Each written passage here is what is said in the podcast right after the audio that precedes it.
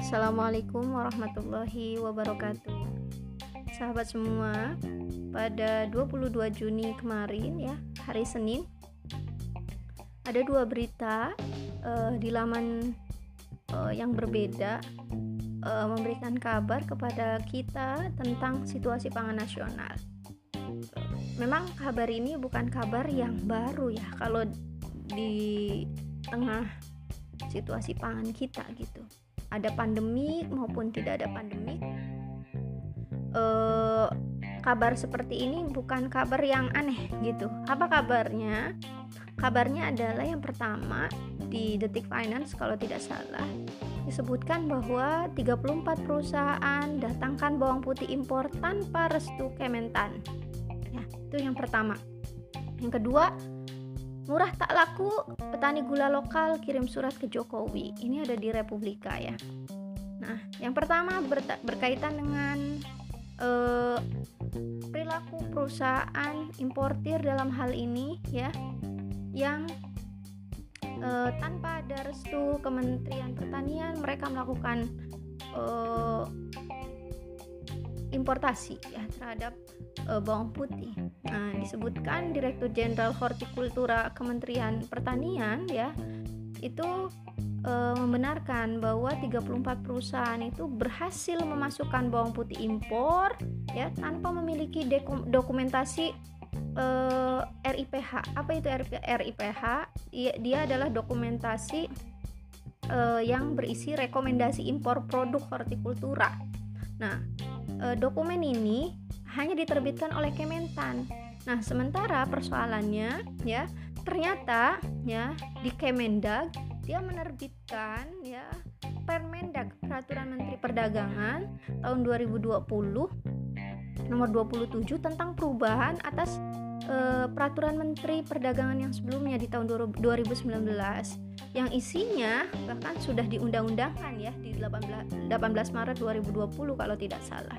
Jadi melalui Permendag itu dikatakan bahwa ya uh, importasi itu bebas dilakukan ya dalam, uh, dalam rangka mempercepat stok barang ya stok pangan itu masuk ke Indonesia. Tujuannya adalah untuk menstabilkan harga yang sedang melambung tinggi. Nah, itu alasan dari Kementerian Perdagangan. Jadi eh, bertolak belakang gitu. Satu sisi Kementerian Pertanian menerbitkan eh, namanya dokumen RIPH, rekomendasi impor. Siapa pun perusahaan kalau dia ingin melakukan importasi terhadap bahan pangan, dia harus punya dokumentasi itu. Sementara Kemendak e, punya Permendak ya peraturan Menteri Perdagangan juga yang sudah diundang-undangkan e, yang statusnya jauh lebih kuat secara hukum gitu kan. Jadi e, pangan apa pun, komoditas apa pun kalau dia dibutuhkan untuk dilakukan impor ya ke dalam negeri e, kalau dia tanpa perlu ada RIPH maka dia bisa melakukan itu. Ini kan dua kondisi yang bertolak belakang ya.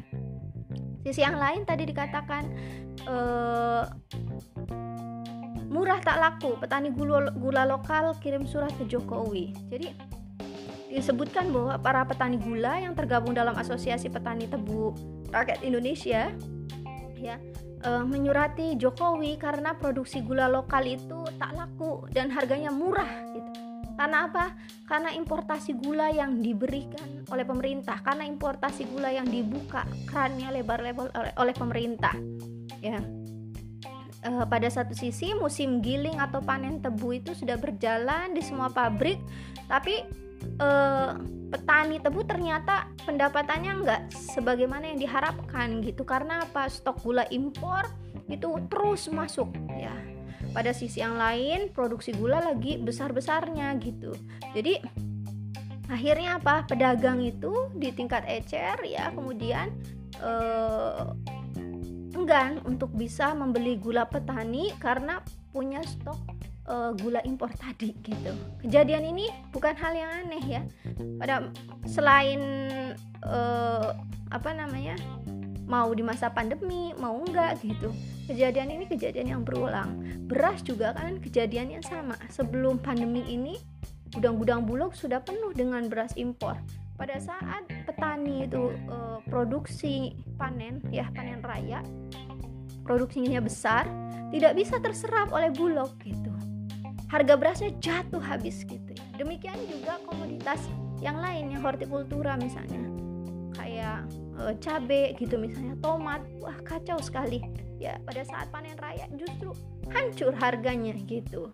Akibat ya satu sisi alasannya kalau uh, supply banyak kan gitu. Sementara kecenderungan untuk beli juga segitu-gitunya harganya jadinya uh, anjlok gitu. Pertanyaannya di mana peran pemerintah ketika produksi banyak gitu kan ketika petani uh, antusias untuk melakukan produksi ya. Sementara perlindungan terhadap petani nggak ada dari pemerintah gitu. Importasi malah didukung gitu oleh pemerintah gitu. Yang harusnya pemerintah bisa uh, hentikan itu gitu di tengah panen raya ya. Apakah panen raya uh, padi ataukah uh, dalam bentuk uh, apa komoditas hortikultura tadi gitu. Demikian pula dengan kasus yang sebelumnya ya. Apa namanya bawang putih itu gitu kan. Jadi uh, justru yang terjadi adalah gontok-gontokan gitu antar uh, pelaku eksekutif ya. Dalam hal ini pemerintah di antara mereka sendiri uh, untuk uh, bisa melancarkan ya uh, ke kepentingan para pemilik modal dalam hal ini importir. Sehingga kemudian produk impor itu membanjiri uh, dalam negeri. Tapi mereka tidak punya. Kemudian mekanisme bagaimana agar nasi petani itu tetap diangkat gitu.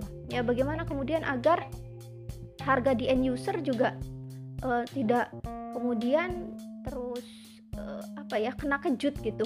Naik mahal gitu.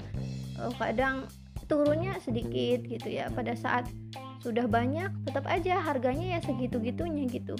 Pada saat uh, banjir produknya di tingkat petani hancur harganya di end user juga kayaknya juga nggak terlalu signifikan uh, murahnya gitu ya.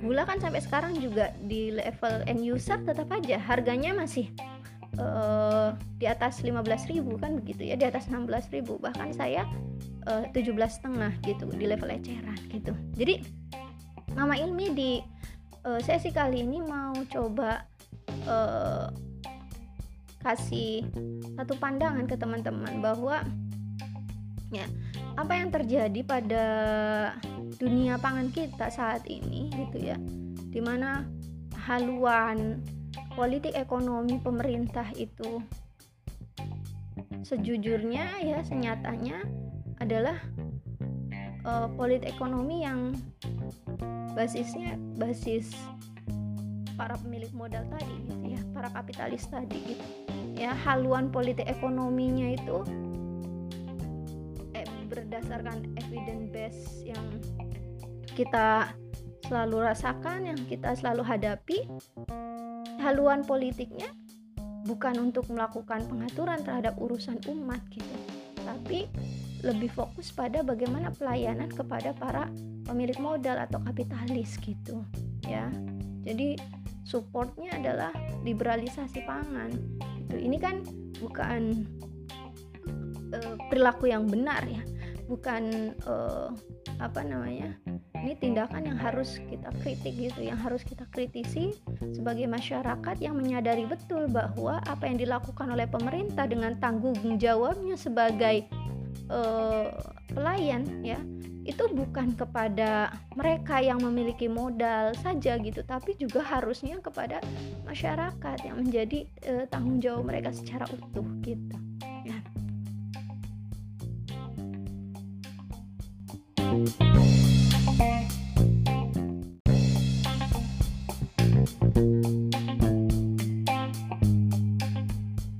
Jadi dari dua kasus yang Mama Ilmi sampaikan tadi itu bisa jadi evidence base ya, bisa jadi bukti yang jelas.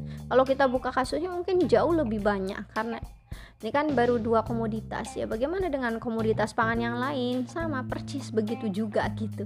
Ya. Silakan nanti teman-teman boleh juga diskusi gitu ya. Uh, ini menjadi bukti bahwa uh, pemerintah kita ya keberpihakan dan pelayanannya ya dalam hal kebijakan lebih kepada uh, mereka yang memiliki kekuatan atau power dalam hal modalitas ya dalam hal uh, kapital gitu ya. Uh, dan di sini juga menjadi jelas gitu bahwa uh, kapitalis itu atau mereka yang memiliki modal besar itu mereka menjadi pengontrol gitu. Mereka bisa memberikan kendali yang besar dalam uh, perumusan kebijakan gitu. Termasuk uh, bagaimana kemudian uh, akhirnya kemudian dalam hal ini ya rakyat ya petani peternak uh, nelayan tuh tetap akhirnya kemudian termarginalkan gitu boleh nggak kalau dalam sesi ini Mama Ilmi coba refresh juga pemahaman ya berkaitan dengan uh, tatanan sistem ekonomi liberal yang digagas oleh Adam Smith. Boleh ya?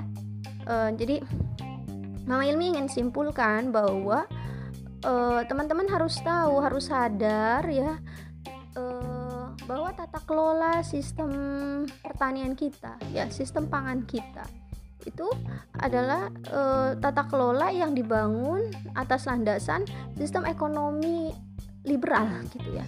Sistem ekonomi dengan para pemilik modal sebagai pengendalinya atau sistem ekonomi kapitalis tadi gitu. Nah, gagasan ini e, ciri-cirinya seperti apa sehingga kemudian e, Mama Ilmi kok bisa yakin bahwa Indonesia ini berada dalam trapping atau jebakan atau dalam ketek kapitalisme tadi gitu ya.